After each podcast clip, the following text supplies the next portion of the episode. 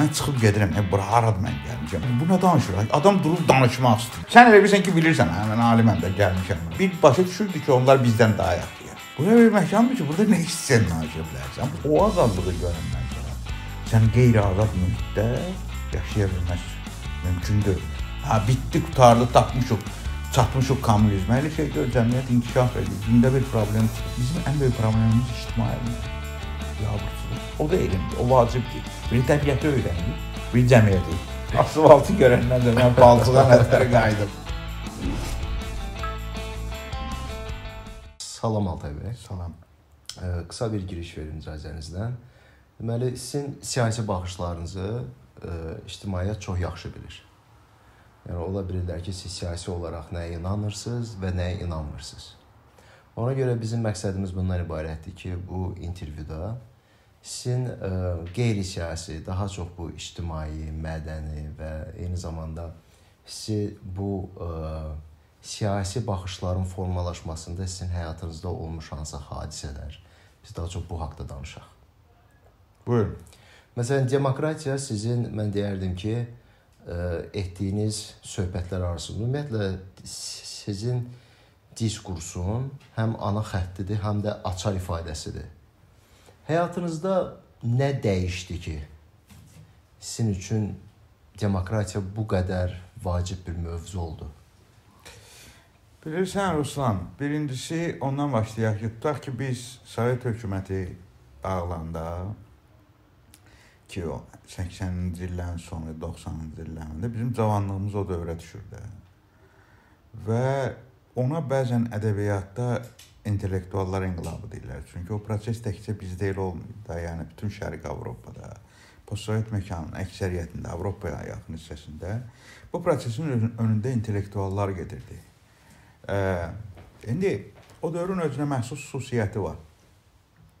Ondan ibarətdir ki, bax, hə, ta ki soyuq müharibə dövründə Qərbdə ə, establishmentə qarşı ə, müxalifət əsasən intellektual müxalifət, akademiyadan söhbət gedir. Əsasən sol idi. Sol görüşlü insanlardı. İndi özün bilirsən Sartre və sən. Çox idi də bunlar akademiyanı tutmuşdular. Məsələn, Amerikada indi onlara daha çox liberallar deyirlər. Evet. Çünki Amerikada liberal özün bilirsən ki, sola yaxın hesab olunur. Bizdə isə post Sovet məkanında sol hakimiyyətdə idi və intellektual müxalifət daha çox millətçilik formasında idi.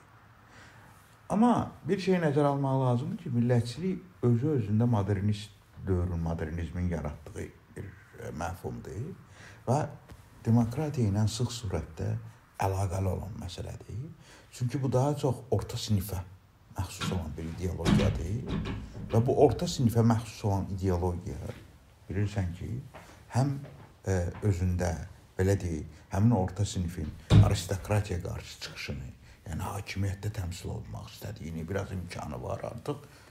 Hakimiyyətdə də payını istə, istə, istəyir. Və eyni zamanda o dövrdə o millətçilik millətçiliyin formalaşması, belə deyək də milli dövlət anlayışının formalaşması, xüsusən kiçik xalqlar arasındakı böyük belə deyək imperiyaların içərisində yaşayırdılar. Yəni, yəni bunlar bir-biri ilə ə, yanaşı, hərəkət edir. İndi təsəvvür edək ki, biz də 90-cı illərin axırında belə deyək də hamımız bu və yaxud digər dərəcədə millətçi idik. Təkcə 90-cı illərin əvvəllərində, yəni 80-ci illərin sonunda hamı, bütün intellektual, bütün akademiya, təkcə bizdə yox. Şərqi Avropada da, ta ki Polşada da, və s. də, Macaristanda da, bizdə də, Gürcüstanda da, Ermənistanda da hər yerdə millətçilik ə, düşüncəsi var. Və bayaq dediyim kimi də o millətçilik istər-istəməz o demokratik ilk növbədə hər halda ideyanın formalaşması kimi öz özündə demokratiyanı da etibar edir. Bir də ki, bizi üçün qərb əsas o cəlbedici vasitə idi. Qərb cəlbedici vasitə olduğu üçün Qərbin də xüsusiyyəti nədir, fərqi nədir?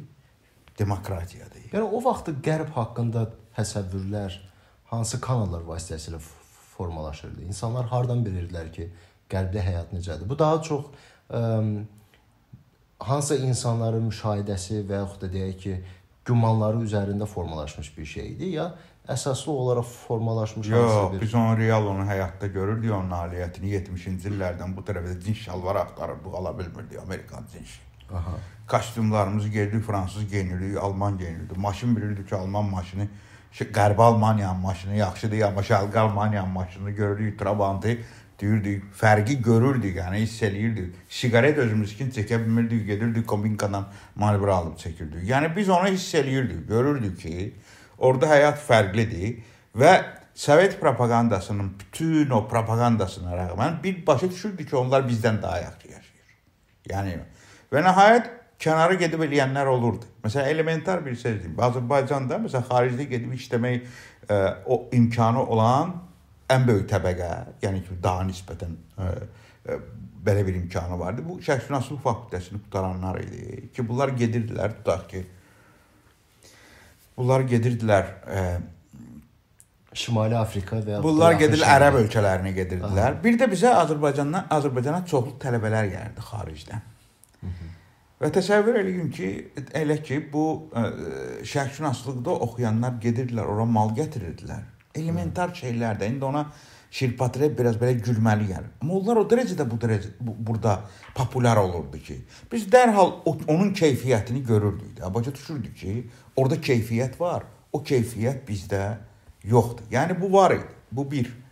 Ə, və bir də ki, yəqin ki, burada bir şey də rol oynayır. Biz ki, məsələn, biz məsələn bizi kimi ölkələrdə, bu Sovet ölkələrinin əksəriyyətində, hətta ki, mən Rusiyadakı vəziyyət deyən mənəm. Orada da orada da dissident hərəkatı var idi. Ona görə o formalaşdı. Bizdə belə deyək də bütün o millətçi hərəkatların hamısı həmçinin Rusiyaya qarşı idi. Da istər-istəməz. Şərqi Avropada da bizdə də.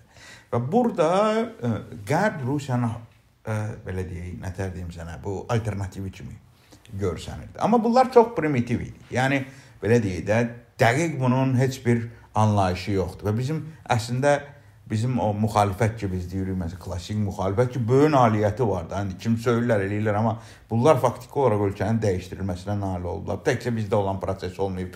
Baltikada da eyni proses gedib, Polşada da eyni proses gedib, Gürcüstanda da eyni proses gedib. Amma tutaq ki, Orta Asiyada həmin proses getməyib də. Ona görə orada indi Türkmənistan var, Özbəkistan var və s. Biz biz o prosesin içərisində getmişik o. Yəni Avropalaşma prosesinin içərisində. Və bu adamlar çox böyük nailiyyət eləyiblər. Amma məsələ burasındadır ki, biz, biz tez-tez deyirlər, qalıblar 90-cı illərdə və s. O deməkdir ki, yəni o demokrati demokratiyanın primitiv anlayışı qalıb o dövrlərdə. Yəni biz onu axıra kimi dərk eləmirdik. Biz bilirik ki, demokratiya o deməkdir ki, səs verməkdir çoxluğun idarəçiliyidir.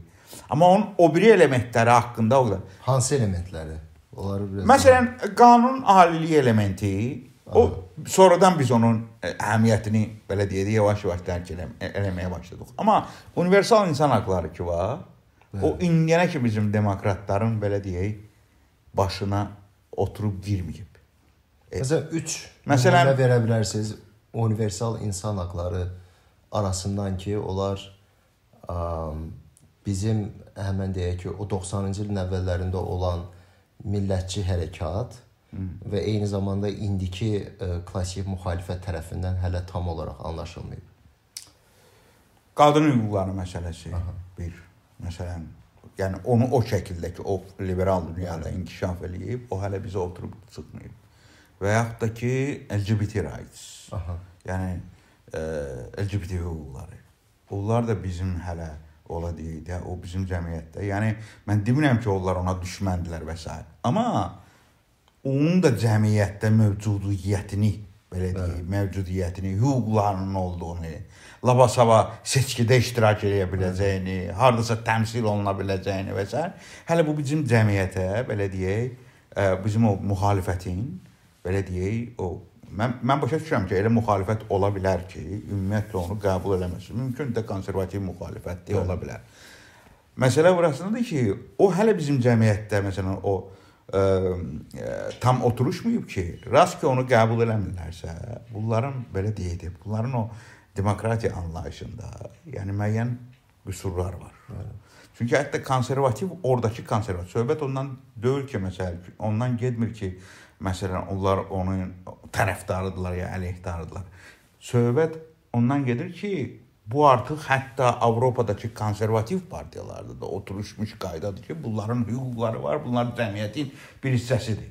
Məsələn, mərc məsələsi, evlənmək məsələsi ola bilər orada qəbul olunmasın da. Yəni oradakı şeylərdən onun əleyhinə. Və yaxud da müzakirə olunur. Hə, yəni açıq müzakirəsi açıq var. Açıq müzakirəsi hə. var. Amma bizdə hələ məsələn ondan bizim o müxalifət ondan tamamilə qaçmağa çalışır da. Yəni elə bil ki, bu yoxdur. Halbuki bu artıq diskursun tərkib hissəsidir. Atabəy, mən bir sizin də maraqlıdır. Necə oldu ki, sizdə ə, hə, mən bununla onu, bağlı hansısa bir dəyişiklik oldu? Mən onu onu Amma gəlirəm. bir çox məsəl üçün 90-cı və 90-cı ilin əvvəlində fəal olmuş və indi də fəal olan ə, o ə, insanlarda bu dəyişikliklər olmadı. Mən deyim də onu. Mən yenə də mən özümü fərqli mövqeyə qoymuram. Yəni mən də o birilərdən fərqlənmirdim. Yeri gələndə mən daha çox belə deyim, milliyyətçilik də eləmişəm, isə dərs demişəm də auditoriyada. Yeri gələndə islamçılığım da lap belə e, ki oldu. No, mən belə hesab edirəm ki, mən bunu dərinə fikirləşmirdim də bu məsələləri. Yəni ki, o emosional şəkildə, ümumi şəkildə və bir də ki, irsin təsiri öz yerində. Yəni mən hansı cəmiyyətdə o cəmiyyətin təsiri var. Sonra mənim imkanım oldu Amerikaya getmək. Hə çox asan məsələ deyil. Hətta belə bir faydanız olub səhv eləmirəmsə, Amerika küləyi vurub mənə hə. belə bir. Yəni mən getdim ora, təsəvvür edin ki, mən gəlmişəm Georgetown-a düşürəm. Mən mən şokdayam da. Məsələn, mən birinci getdiyim indiyənə kimi, e, indiyənə kimi konfrans yadıma gəlmir. O vaxt çox ma mən bir bir bir hadisə olmuşdu. Deməli, e, o vaxtki Papa Ratzinger, sonra kardinal, sonra getdi Aha. də o O anti-İslam bir çıxış eləmişdi bəli, belə bəli, ki, İslamda rasionalizm yoxdur da belə bir şey. Və sonra böyük nümayişlər Əfqanistandan tutmuş İndoneziyaya kimi böyük nümayişlər, hamımızda narazılıq, aləm qaçmışdı.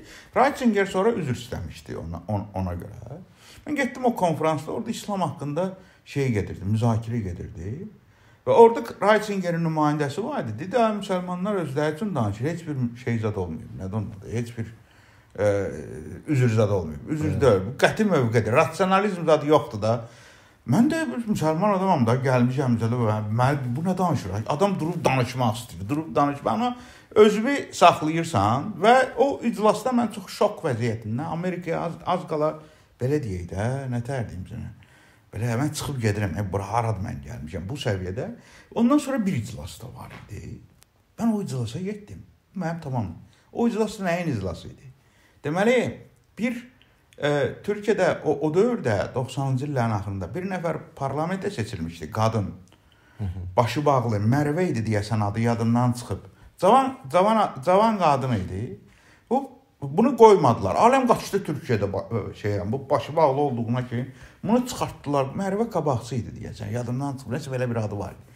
Bunu çıxartdılar parlament. E, hətta hökumət axırda sonra istefaya da getdi. Mən gördüm Georgetown-da bunun çıxışı var. İçəri doludur. Bu da bayaq nə eşitmiş amma onun tam tərsini danışır. Yəni yanbayan otaqlardır da. Yəni bu bu artıq mənə birinci e, birinci birinci belə deyək siqnal idi ki, bura bir məkandır ki, burada nə istəsən danışa bilərsən. Bu sənə tam ixtiyarın var da, nə istəyirsən danış. Heç kim də sənə bunu şey. Bu mənə e, məcbur elədi ki, mən başlayım bu prosesə dərindən baxmaq. Yəni mən nə istəyirəm? Yəni belə bir cəmiyyət istəyirəm ki, heç kim danışdığına görə, yəni bu adam Türkiyədən gəlir, bunu Türkiyədə parlamentə qoymurlar. Amma burada rahat çıxır, danışır, nə istəyir Amerikada. Heç kim buna heç demir. Onun tamam əks mövqeyidə qonşu otaqda gedir. Və ən əsas məsələdir ki, bunlar bir da üzr istəyirəm də əlavə edim. Və bunlar bir-birini qırmır. Dava eləmir, öldürmürlər. Yəni ki, söhbət eləyirlər. Yəni üzr istəyirəm də əlavə edim və yaxud da o cür dinamik mühitə düşəndə hardakı azad müzakirə var. Hı Amma bir şey var. Yəni ki, bunlar bir-birlərini öldürmürlər, amma çox ciddi belə dinamik müzakirə var. Adam həm də bu sualı verə bilir özünə ki, oradakı fikirlər toqquşur. Bu sualı verir ki, mən nəyə inanıram? İndiyənə kimi nəyə inanmışam? İndiyənə kimi mən kim idim? Ən əsası inamı sadəcə emosiyalar üzərində, sadəcə səthi biliklər üzərində yox. Səni məcbur edir ki, orada qaldırılan suallar var ha. Onu gedib oxuyasan. Görün bu nə deyir. Yəni ki, sən bilirsən ki, sən sən elə bilirsən ki, bilirsən, hə, mən aliməm də gəlmişəm bura. Sən görürsən ki, bunun danışdığı şeydən sənin məlumatın kifayət qədər səthidir. Bu o qədər dərinə gedib ki. Və adam biraz hətta özündən o dövrdə də utanırdı ki, və sonra məcbur olursan girsən kitabxana içərisindən çıxmırsan bayıra. Oxuyursan, oxuyursan, öyrənirsən və belə demək mümkünsə yetkinləşirsən. Yetkinləşmək bilik, savadlı adam istər-istəməz tolerant adamdır. Buyursun. İstər istəməz, yəni savadlı bilikli adam qeyri-tolerant ola bilməz. Çünki savad insanı məcbur elgir belə deyək, başqa fikrə şeylə yanaşmağa. Ə, belə deyək də, dözümlə yanaşmaq. Dözümlə yox, dözümlə yanaşmaq o mənada ki, sən başa düşürsən ki, hətta sənin bildiyin nə qədər olsa da, mütləq bu mütləq həqiqətdir, bu səhv ola bilər sabah nə isə çıxa bilər sənin səhv olduğun. Onda artıq belə deyək də ciddi şəkildə başladı formalaşmaq və sonra Tocqueville'in kitabını oxudum. Amerika haqqında bəli. oxumusan yəqin. Bəli, bəli.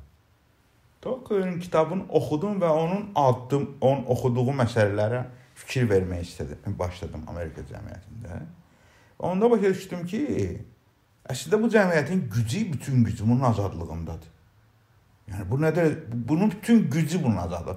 Bu potensialı potensialı azadlığındadır. Yəni sən bunu məsəl üçün gəlib hazırlıqsız vəziyyətdə tuta bilərsən.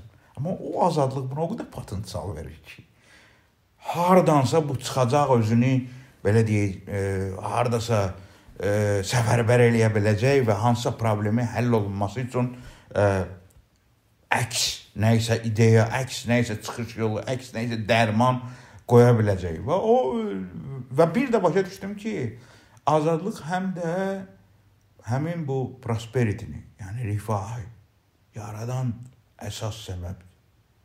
İndi düzdür, azadlığı da çoxlu e, belə deyə tənqid eləyənlər var və s. etiraf eləyək. Bəli. Amma azadlığı hiss eləmək vardır. Məsələn, biz çox danışırıq. Bizə nə verəcək demokratiya? Hamı rifahdan danışır. Amma məsəl üçün mən tamamilə razıyam. Rifahdan da danışmaq lazımdır, hüquqlardan da danışmaq lazımdır istəyirəm. Amma bir şey var ki, onu mən orada başladım fikirləşməyə ki, bu azadlıq boş söhbətdir. Bunun mənası var. Və mən onu yadıma saldım Sovet dövründə ki mənim beynim necə yuyulmuşdu. Çox asandır beyni yumağı. Yəni biz dünənlər bir burada psixologiyadan bir leksiyaya getmişdik. Çox maraqlıdır. İnsanın beynini yumaq, insanın beynini dəyişdirmək, insanın e, belə deyək də, onun istədiyin kimi formalaşdırmaq çətin məsələdir. Propaganda vasitəsilə. Çox asan məsələdir. Başqa informasiyaları kəsirsən qabağını. Və beynini daim doldurursan. Məsələn, mən hərdən Dünənki leksiyadan çıxanda vermədim ona e, lektora sual, amma ağlıma gəldi ki, həmin həmişə baxıram ki, bu məsələn o propaganda televiziyası danışır, danışır da, misal üçün də bizdə İstəvə danışır, inkişaf, qələbə, nailiyyət, pat, pat, pat. Mən həmişə deyirəm ki, bunlar belə fikirləşirəm ki, bunlar bu boş şeyləri niyə danışırlar? Hamı evet. bilir ki, bu belə deyil də. Və dünənki leksiyada başa düşdüm, yox, e, elə deyil, yox. E, o işləyir, nəticəsi əldə olunur. Və ən əsası tutaq ki, tarixçi kimi gedirsən birdən gözün açılır, görürsən ki, sənə bir şey öyrədiblər, beynin belə formalaşıb da. Sən bunun o bir tərəflərinə baxmamısan. Evet. Yəni elə bilirsən mütləq həqiqət budur. O bir tərəflərini açıb baxanda görürsən ki, sən heç də bilmirsən. Və onda hiss edirsən ki, azadlıq nə dərəcədə lazımdır. Öyrənə bilmək azadlığı, ürəyin istəyəni, araşdırmaq azadlığı ürəyin istəy istəyən yerdə yatmaq azadlığı, durmaq azadlığı. Bilirsən, bunlar hamısı çox vacib məsələdir o azadlığı mən orada elə bir ki, hiss elədim, əhəmiyyətini. O biraz da məni korladı. Hələ deyə də bilərsən ki, onu korladı, çünki o azadlığı görəndən sonra sən qeyri-azad mühitdə yaşaya bilməzsən. Mümkündür. Çünki faktiki olaraq o deməkdir ki, sən özün hansısa dərk elədiyin hüququ da deyənməcə dərk elədiyin bir xoşbəxtlikdən Bəli. imtina eləyirsən. İmtina eləyirsən. İndi azadlıq deyəndə mən e, çoxları məsəl üçün e, ifrat həddə. Üzr istəyirəm. Bir çox mənada həm də əgər adamda o transformasiya baş verirsə, qeyri-azad mühitdə baş verən bir çox hadisələri özünün şəxsiyyətinə sığışdıra bilmir. Nəinki sən bunu özünün ictimai məsuliyyətin kimi anlayırsan, deyək ki, icman qarşısında olan məsuliyyət kimi anlayırsan, həm də özünlə bağlı olur bu. Ki mən şəxsiyyətimə bu cür mühitdə yaşamağı sığışdırmıram. Elədir, tamamilə də o. Çünki sən onu axı indi biz onu xırda detalda, sən onu hər yerdə hiss edirsən. Sən onu hər addımda, hər anda o cür formalaşmış insanlarla rast gəlirsən və sən o insanların onun davranışında görürsən, özünü aparmağında görürsən və başa düşürsən ki, burada çox belə ekzistensial bir fərq var. Mən azad insanam. Bu adam azad insanlığını dərk eləmir. Üstə gəl. Mənim nə özünkün dərk eləyir, nə mənki. Başa düşmür ki, mənim azadlığım mənim hüququmdur. Yəni mənim e, nə tər deyim sənə, mənim e, tərkib hissəmdir. Bəli. Yəni o onu dərk eləmir, o onu başqa cür qəbul edə bilər. Özünü dartır, nə bilim, e, bizi saymır və yaxud Özünü elə fərqli ki, göstərir. elə bil ki, hamımızdan yaxşıdır. Mən heç kimi kimisə özümdən yaxşı saymıram və yaxud da özümü kimdənsə yaxşı saymıram. bax, Bir bu- Sadəcə bu azadlığın gətirdiyi mənə belə deyək, o özünü dərk eləməkdir ki, yəni ki, o adi adi normalar, o cəmiyyətin yaratdığı, bizim cəmiyyətin normalar o sənə ciddi və onu da görəndə başqa şeylərə başa Bu düşürsən. dəyişikliklər nəticəsində sizin bu fikirlərdə bu ə, dəyişikliklər deyəndə ki, transformasiyalarda deyək ki, yeni anlayışları qavramaq nəticəsində istər qadın haqqları ilə bağlı olsun, istər LGBT, istər azadlığın müxtəlif Akademik azadlıq məsəl üçün. Mən onda dərk elədim ki, akademik azadlıq inkişaf üçün, akademiyanın inkişafı üçün nə dərəcədə vacib məsələdir. Akademiya içərisində universitetdə, UCLA-da görürdün ki, burada tutaq ki, İsrail qrupu ə, iclas keçirir, burada Fələstin qrupu. Bəli. Ya bu normaldır. Və ən əsası məsələn burada indi biz oxuyuruq da Facebookda Amerikancadı söyməyi filan filan. Özün oranı qutarmısan, bilirsən. Amerikanın tənqidini Amerika universitetləri qədər səviyyəsində eləyən ikinci yer yoxdur. Yəni bütün universitetlər Amerika sisteminin tənqidi üzərində qurulub. Çatışmazlıqlarını. Sən bunu gözünlə görürsən, sən oturmusan Amerikancıda bunu universiteti tə tənqid eləyir. Hər tərəfli. Öz elə belə yox ha. E, əsaslı şəkildə, elmi şəkildə, hər tərəfli şəkildə. Araşdırmalar, araşdırmalar qoymaqla, çatışma ə, öyrənməklə və onu sonra da hökumətə təqdim eləməklə hökumət nəzərə ala bilər, ala bilməz. Amma istər-istəməz akademiyaya hörmət, hörmət, hörmət formalaşır. Və sən onu bilirsən ki, bu sistemin içərisində akademik azadlıq nə dərəcədə vacibdir, cəmiyyətin inkişafı üzrə sənə çatışmayan cəhəti göstərəcək. Sənin cəmiyyətin, dövlətin, nə bilim, ə, problemini açıb göstərəcək ki, sabahlarda o problemə ə, tutaq ki, ə, onun hər hansı şəkildə həll olunması ə, yollarını tapacaq, araşdıracaq. Ona görə də elm də inkişaf eləyir, nətər deyim sənə. Evet. Həm ictimai elmlər. İndi bizdə məsələn fundamental elmlər biraz var idi Sovet dövründə sözsüz ki, yəni geri qalmamışdı o məsələdə. Amma bizim ən böyük problemimiz ictimai elmlər. Yabırçılıq. O da elmdir, o vacibdir. Bir təbiəti öyrənir, bir cəmiyyəti. Və sən indi məsələn bizdə o praktika yoxdur. Mən məsələn Sovet universitetlərində elə şey görməmişdim ki, məsələn mən gedim bioloqla eyni yer, eyni leksiyada oturum və mənə düşünürlər ki, bioloqla tarixçi gəlsin, tutaq ki, evolutionist şeyə, nə deyim, leksiya qulaq assın. Mən onu orada gördüm ki, mən oturub bioloqla danışmalı söhbətim var. Yəni müxtəlif disiplinlər arası Hə, yəni əlaqə var bizim Bəli. işlərdə. Ciddi əlaqə var. Məsələn, mən cəmiyyət tarixi öyrənirəm, sən e, e, evolution tarixi öyrənirsən. Yəni biologiya. deyəcəklər ki, bunlar Amerikanın təbliğatını aparırlar Hə. burada. Hə. Yəni Amerikan Amerikada da kifayət qədər mənfi hadisələr var ki, onların ə, Yox, mənfi Yəni hadisə, mənfi olmayan yer yoxdur. Harda e, məsələn, ideal olan, tutaq ki, hansısa e, mənada mükəmməl olan heç nə yoxdur. Mükəmmələ çatsaydı o inkişaf yanardı. Elə şey olmur. Mükəmməl yox və çatışmayan cəhəti 1 dör, 2 dör, 3 dör, 4 dör. En qədər çatışmayan, ən adi məsələ məsəl cəmaatın silah gəzdirilməsinə icazə verilməsi özün bilirsən. Hamısı nə qədər adam öldürürlər hər il. Elə bir ki, sistem prezidentin Donald Trump olması. Hə, yaxud da ki, hə, o o da demokratiyanın bəzən deyirlər çatışmayan. Yəni aydın məsələ ki, demokratiya mükəmməl deyil, amma fakt ondan ibarətdir ki, Churchillin sözü olmaq üçün ondan yaxşısı yoxdur da sadəcə olaraq. Aydın məsələdir ki, o mükəmməl deyil. Belə şeylər də gətirə bilər. En qədərdir. Amma əsas odur ki, sən onu danışa bilərsən, deyə bilərsən. Yolunu araya bilərsən, araşdıra bilərsən, izah eləyə bilərsən.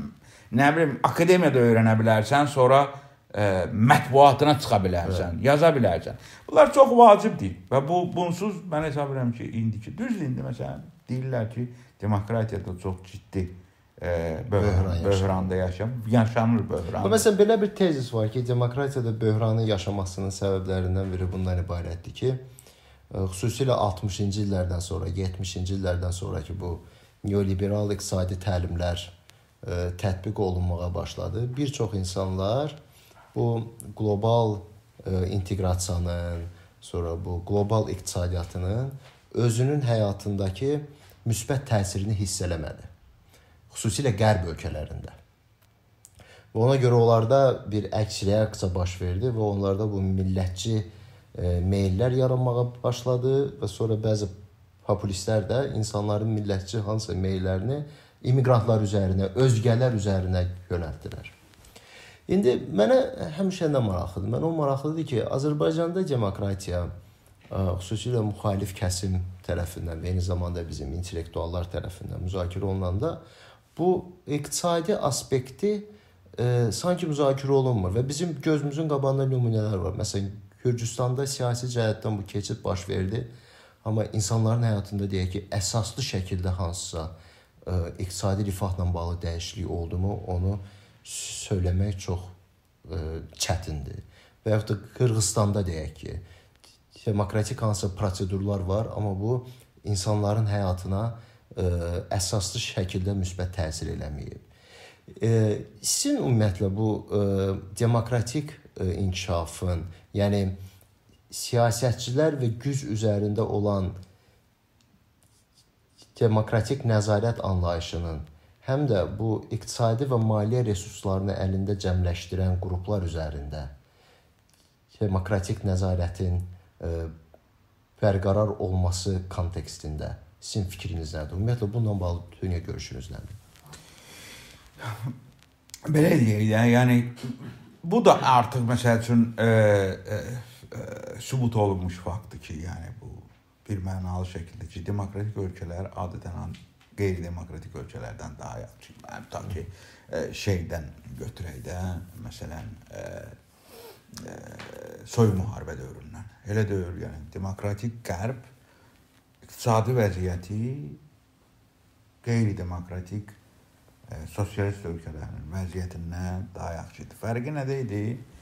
E, bazar iqtisadiyyatının olmasında. Elə deyil. Yəni ki, planlı iqtisadiyyatla bazar iqtisadiyyatı arasında bir mübarizə gedir. Və mübarizədə məlum oldu ki, e, bazar iqtisadiyyatı inkişafa daha çox e, töhfə verə bilər, nəinki planlı iqtisadiyyat. Bunu qəbul elədik. Ha burada bir məsələ var. Ölkələrin hamısının resursları eyni deyil. Yəni aydın məsələdir ki, Azərbaycanın resursu çoxdur. Demokratik, qeyri-demokratik Azərbaycanın Gürcüstandan daha varlı olmaq imkanları var. Elə deyil. Hı -hı. Amma demokratik sistem ki, bayaq dediyim kimi qanunaliliyi var. Ə, tutaq ki, demokratik institutlar var. O nəyə nəzarət eləyir? O ona nəzarət eləyir, gətirib çıxarır ki, o varın dövlətin paylanması məsələsi, yəni korrupsiyanın olmaması, cəmiyyətin müxtəlif təbəqələrinə səpələnməsi məsələsi vacib bir elementə çevrilir. Daş ki, bizlə Gürcüstan, Azərbaycan qat-qat varlı ölkədir. Gürcüstan yox. İstir demokratik olsun, istir qeyri-demokratik. Azərbaycan oradan daha güclü ölkədir. Elədiyi imkanları. Azərbaycan xalqının rifahı bu günləri Gürcü xalqının rifahından yüksəkdirmi? Yəni iqtisadi böyük fərq yaranırmı? Baxmayaraq ki, iqtisadiyyatda çox böyük fərq var. Adicə büdcəsinə baxırsan, başa düşürsən ki, bunların arasında fərq yox, yoxdur. Amma nə var ortada? Azərbaycanda çox varlı bir təbəqə var ki, ondan heç Avropada yoxdur, siyasi təbəqə. Ondan heç Avropada yoxdur. Baxmayaraq ki, adi alman vətəndaşı qat-qat, alman professoru qat-qat Azərbaycan professorundan varlıdır. Amma Azərbaycan başında oturanlar qat-qat Avropanı idarə edənlərdən varlıdırlar. Yəni var e, rəsmi deyil, qeyri-rəsmidir, var. Yəni bu demokratiya ona görə ona gətirib çıxarır ki, burada söhbət nədən gedir? Demokratiya ona gətirib çıxarır ki, o belə deyək, nətər deyirlər ona?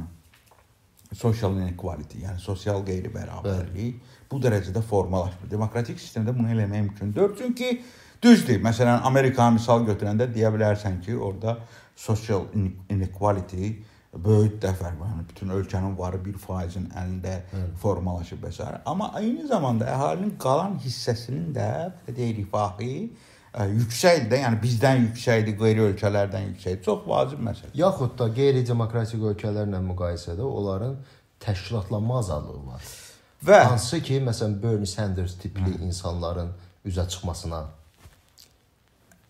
İndi təsəvvür elə ki, bizdə məsələn bu sistem davam davam edirsə və Gürcüstanda demokratik sistem ə, davam edirsə, Nəticədə bunu gətirib gedəcək ki, biz bizdə məsələn rifah get-gedə aşağı düşəcək. Orada isə rifah tədricən yavaş-yavaş demokratik sistemin verdiyi benefitlər hesabına qalxacaq. Və məlum olacaq ki, varlı Azərbaycan varlı olan ölkənin Azərbaycanın əhalisi ə, şeydən nə onun adı?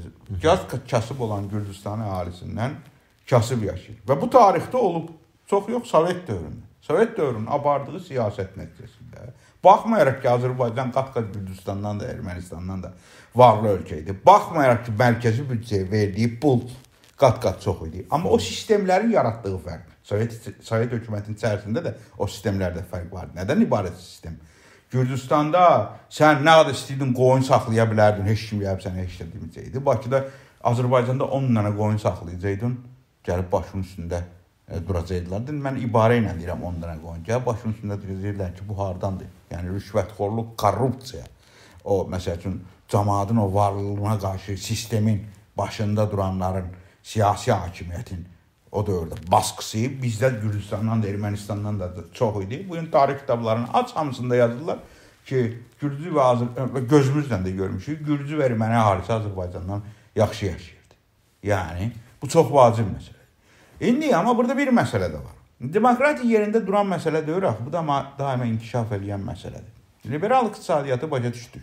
Məsələn, hansısa dövrdə, hətta milliyyətçiliyin özü də hansısa dövrdə pozitiv rol oynamış bir e, nə tər deyim sənə bir ə, e, siyasi cərəyan olub. Daha bir mənalı şəkildə. Sonra cəmiyyət inkişaf edir, dəyişir, ə, e, formalaşır, təkmilləşir və bu günləri tutaq ki, həmin o mənim ə, e, görüşümü soruşsanız, mən sözsüz ki, bazar iqtisadiyyatını tərəfləm, amma eyni zamanda özün bilirsən ki, bu saat ə, çox ciddi bir mübahisə gedir. Mübahisə ondan ibarət dövlətin rolu nə qədər olmalıdır? Bəziləri laissez-faire tərəfdarıdır. Bəli. Yəni ki, burax heç qarışmasın dövlət öz, öz işinə, iqtisadiyyat öz özünü idarə eləsin. Bəziləri deyir ki, yox, dövlətin sosial ə, e, məsuliyyəti var və o dövlət o pullardan eyni zamanda rifahın artmasına kömək edir. Müxtəlif modellər var. Amerika modeli var, İsveç modeli, e, İsveç modeli var, nə Skandinav ölkələri, Almaniya modeli var, Fransa Kanada. modeli var, Kanada modeli var, müxtəlif modellər var e, fəaliyyət göstərir. Məndən soruşsan, mən mən də hesab edirəm ki, bəli, bazar iqtisadiyyatı vacibdir. Yəni ki, qanun aliliyi, mülkiyyətin toxunulmazlığı, rəqabət ə, e, rəqabət belə deyək, o ə, e, bərabər rəqabət şəraitinin yaradılması, bunlar doğrudan da o belə deyək, istehsalın artması üçün, istehsalçılığın artması üçün, nə bilim, cəmiyyətin ə, ə, ə, istehsalın özü vacib məsələdir. Mən hesab edirəm ki, istehsal olmalıdır ki, inkişaf da olsun və o artım vacib məsələdir. Paralel olaraq mən belə deyək də, iqtisadi məsələdə biraz Amerika liberalları kimi. Biraz yox, bir xeyli Amerika liberalları kimi düşünürəm ki, Amerikada liberallar deyirlər demokratlara. Hə. Onlar kimi düşünür. Hə, onlar kimi. Demokratlar kimi düşünür. Bəli, o məsələdə mən Amerika demokratları kimi.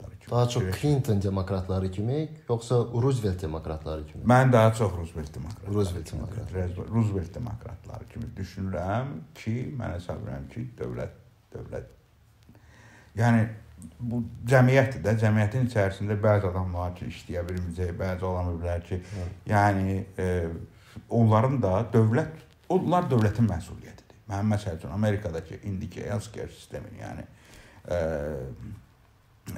tibbi sığorta sistemi, biabırçılıq sayılır. Yəni faktiki olaraq insanlar hə, düzdür. Pulun çox olması nəticəsində ona gətirib çıxarıb ki, məsələn Amerikada ən çox e, bu məsələləri e, tənqid edirlər də. Bir tərəfdən universitetlərin tuition çoxdur, yəni təhsil haqqı çoxdur, iki tərəfdən e, tibbi sığorta problemi var. ciddi problem var. Amma məhz onların pullu olmasının nəticəsində bu ikisi dünyanın ən yaxşısı ordadır. Pul harda indi belə olur da, pul harda çox olur, orada inkişaf daha çox olur. İnsana daha çox maaş verə bilirsən, daha çox belə deyək, məhsuldarlıq yaranır. Amma burada bir problem də var da. Yəni bir problem ondan ibarətdir ki, cəmaət o qədər tuition verə bilmir və yaxud da cəmaəti şeysiz, tibbi sığortasız qoya bilməzsən. Ona görə mən hesab edirəm ki, burada sözsüz ki, ə, dövlətin müdaxiləsi lazımdır. Dövlətin hər hansı şəkildə bu məsələləri yoluna qoyması olduqca vacib, vacib məsələdir. İndi bu da cəmiyyət də inkişaf eləyir, balans axtarılır. Demək olmaz ki, bu məsələ tamam atılıb kənara. Bəli, əks tərəflər var. Bayaq dediyimiz kimi, bəziləri deyir ki, yox, el respublikaçıların içərisində. Bir xeyirsə deyir ki, yox, bu məsələyə dövlət niyə qarışmır? Trump deyir ki, Obama kiyərə nəyə lazımdır? Niyə mana şey, nədir onun adı? Və təxminən belə bir, yəni ki, dövlətin bazar iqtisadiyyatı ilə bərabər ölkənin həyatında fəal iştirakını Azərbaycan üçün də arzulursunuz. Bəli, mən hesab edirəm ki, bazar iqtisadiyyatı lazım. Bazar iqtisadiyyatı niyə görə lazımdır? Bax mən elementar bir şey deyim. 2 dənə misal deyəcəm. Birin e, Sovet dövründən deyəcəm sənə. Kolxozlar. Bunu mən gözümlə görmüşəm. Hep başqaları kim nə deyir, deyir məsələn. İndi bəzən görsə cavan uşaq durur mənə Sovet hökumətindən dərs keçirir məsələn. Mən onu görmüşəm axı gözümlə. Sovet hökuməti dövründə mən gözümlə görmüşəm ki, kolxozda, savxozda istehsal olunan meyvə tərəvəz yox idi Kaptorqlarda qalırdı, çürüyürdü, onu adam yeməzdi. Yəni keyfiyyəti yox idi. Niyə? Keyfiyyəti yox idi. Ona görə ki, xüsusi mülkiyyət marağı yoxdur onda. Yəni onu satıldı, satılmadı, onun cibinə e, mən gelirdim atamla bir də neçə yazmışam Facebookda. Atamla gedib Valadarsk fabrikin e, qara qara şəhərdə bir şey var idi. Nə onun adı bir dükanı var. Girdim ona, baxırdım bunun kostyumunun bir qolu o birindən uzundur. Dedim adam bunu istehsal eləyən görmür ki, bu elementar məntiqdir də. Bunu görmür ki, bir oğlundan uzundur. Eləyə bilmir də qardaş. Sistem işləmir. Bacarmır. Yəni sistem işləməyəndə orada artıq məntiqin girməsi mümkün deyil. Kolxoz belə idi. Kolxoz belə olduğu üçün kolxoz belə olduğu üçün e, nəticədə e, belə deyək də, nəticədə o iqtisadiyyat özü özünü ayağa da saxlaya bilmirdi. Və da ki, mən çox primitiv bir misal deyim. 30-cu illər repressiyalar. Kimi qırdılar?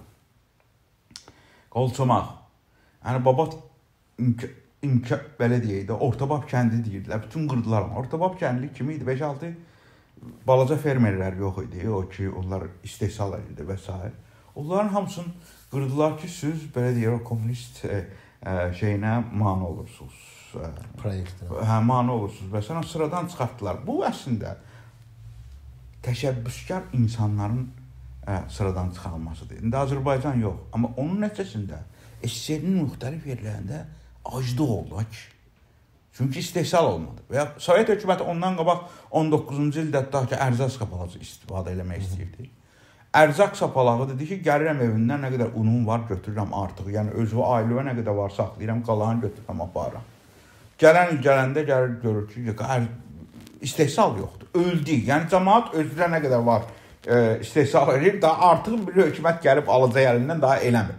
Və o ilə aclıq yarandı faktiki olaraq. Növbəti ilində, növbəti iki ilində məcbur oldular yeni iqtisadi siyasətə keçməyə. Nədir yeni iqtisadi siyasət? Bu günlər Çinin elədiyi. Yəni, sistem, sosialist sistemi, dövlətin idarəçi siyasi sistem, amma altda iqtisadiyyatın müəyyən dərəcədə liberallaşmasına imkan verdilər. Yəni mən başa düşürəm ki, hər hər ikisinin çatışmayan cəhətləri var. Hər ikisinin müsbət tərəfləri var. Yəni istər dövlətin tamamilə iqtisadiyyatı idarə eləməsi və bazar iqtisadiyyatına planlı iqtisadiyyat. Eyni zamanda o tərəfdən ə, e, bazar iqtisadiyyatı hərəsinin özünün çatışmayan cəhətləri var. Amma kombinasiyada görürsən ki, bu kombinasiyanı yaratmaq mümkündür və gördüyümüz Almaniya bu günləri həmin o kombinasiyanı yaradır. Gördüyümüz İsveç həmin o kombinasiyanı çətinliklə də olsa filan da nəyə gətirib çıxarıb cəmaatın rifah şəraitinin artmasına gətirib çıxarıb. İndi mən niyə görə deyirəm ki, məsələn, o çox vacibdir. Azərbaycanda nədir bu saat? Azərbaycanda belə baxanda deyilir ki, kapitalizmdir. Yəni deyir, yəni kapitalizmə keçmişik də biz. Qardaş, nətər kapitalizmdə ölkənin hamısı ə, e, ə, e, ə, e, bu monopoliyalar ə, 1-2-3 adamın əlində hər şey. Ölkədə iqtisadi rəqabət imkanı. Amma belə də deyə bilərlər. Elə kapitalizmdir deyə Kapitalizm. Monopoliyalar. Kapitalizm deyil, həm dövlət kapitalizmi. Yəni ki, kimin kim əlindədir? Kimin əlindədir? o? Kimin əlindədir o? Kimin əlindədir o? Yəni o kimin əlində? Dövləti idarə edənlər o. Məşhur e, Lewis'in bir məşhur sözü var. O Chicago Universitetinin professor bir neçə dəfə demişəm. Deyirdi ki, şərqlə qərbdə iqtisadiyyatın idarə e, e, şərqlə qərbdə bir, bir əsas fərq var. Qərbdə cəmaət pul qazanır ki, hakimiyyətə gəlsin. Şərqdə cəmaət hakimiyyətə gəlir ki, pul qazansın. İkisi də mənəvi cəhətdən problemlidir, amma iqtisadiyyata təsiri müxtəlifdir. yəni ki, ikisi də mənəvi problemləri var. Bax, o məsələ odur. İkisinin də problemləri var. Amma ümumi inkişafa hansı kömək eləyə bilər? Ona görə o balansın tapılması olduqca vacibdir. Yəni bu nöqteyi nəzərdən mənə baxsan, məndən soruşsan, bəli, mən kapitalizm tərəfdarıyam. Amma mən eyni zamanda belə deyək də, o laissez-faire tərəfdarı deyiləm. Tam liberal, klassik liberal iqtisadiyyat tərəfdarı deyiləm. Mən hesab edirəm ki, dövlətin müdaxiləsi vacibdir və mən hesab edirəm dünya da o inkişaf, o istiqamətdə inkişaf eləyir. Yəni solda, sonda sosial bərabərlik də olmasa, amma hər halda cəmaətin belə deyək də, o kasıb-küsub hissəsinin tamam olmamasının aradan götürülməsi dövlətin işidir. Dövlət bunu imkan verməməlidir. Bu dövlətin boynuna düşən, indi bunu nə tər eləyəcək? Nə bilim, proqressiv ə, vergi ilə eləyəcək, nə bilim, vergi sistemini təkmilləşdirməklə eləyəcək. Nə tər eləyəcək? Bu artıq iqtisadiyyatçıların işidir ki, otursunlar, fikirləşsinlər, araşdırsınlar, tapsınlar yolunu, yoluna qoysunlar. Həm də siyasətçilərin işidir burada. həm də siyasətçilərin işidir. razıyam. Təşkilatların işidir, xalqın özünün Razıyam. Razıyam. Razıyam. Yəni bunlar hamısı, bunlar hamısı, bunlar hamısı yəni tam belə deyək, yetkinləşmiş proses deyil. Ha, bitdi, qutardı, tapmışıq, çatmışıq kommunizmə. Elə şey deyil, cəmiyyət inkişaf eləyir. Gündə bir problem çıxır, gündə bir yenilik çıxır. Bu günləri tutaq ki, ən böyük problemlərdən biri environment məsələsidir. Ətraf mühit. Yəni bizim cəmaətə hələ bu uzaqdır problem. Kifayət qədər uzaqdır. Amma sən qərbdə yaşayan adam bilirsən ki, cəmaət nə boyda problem çək- çəkir buna görə. Ciddi problemlər var. Cəmaət şimaldan köçür hamısı cənuba, ona görə ki, o çay çaylanın suyunun artması zadı İtaliya kimi yerdə filan. Ciddi problem yaranır. Yəni cəmaət bəzi yerlər var, ciddi yaşayırlar artıq bunu. Yəni ki, amma biz hələ onu uzuq. Biz uzaq bizim məsələn biz bir elementar bir şeyin fikirləşmirik ki, bu gün Azərbaycanda çox ciddi su qıtlığı məsələsi var. Bu günlər biz onu hiss eləmirəm, amma 20-25 ildən sonra o çox böyük problemə çevrilə bilər Azərbaycan üçün bu ki qlobal istiləşmənin getdiyi bir şərait.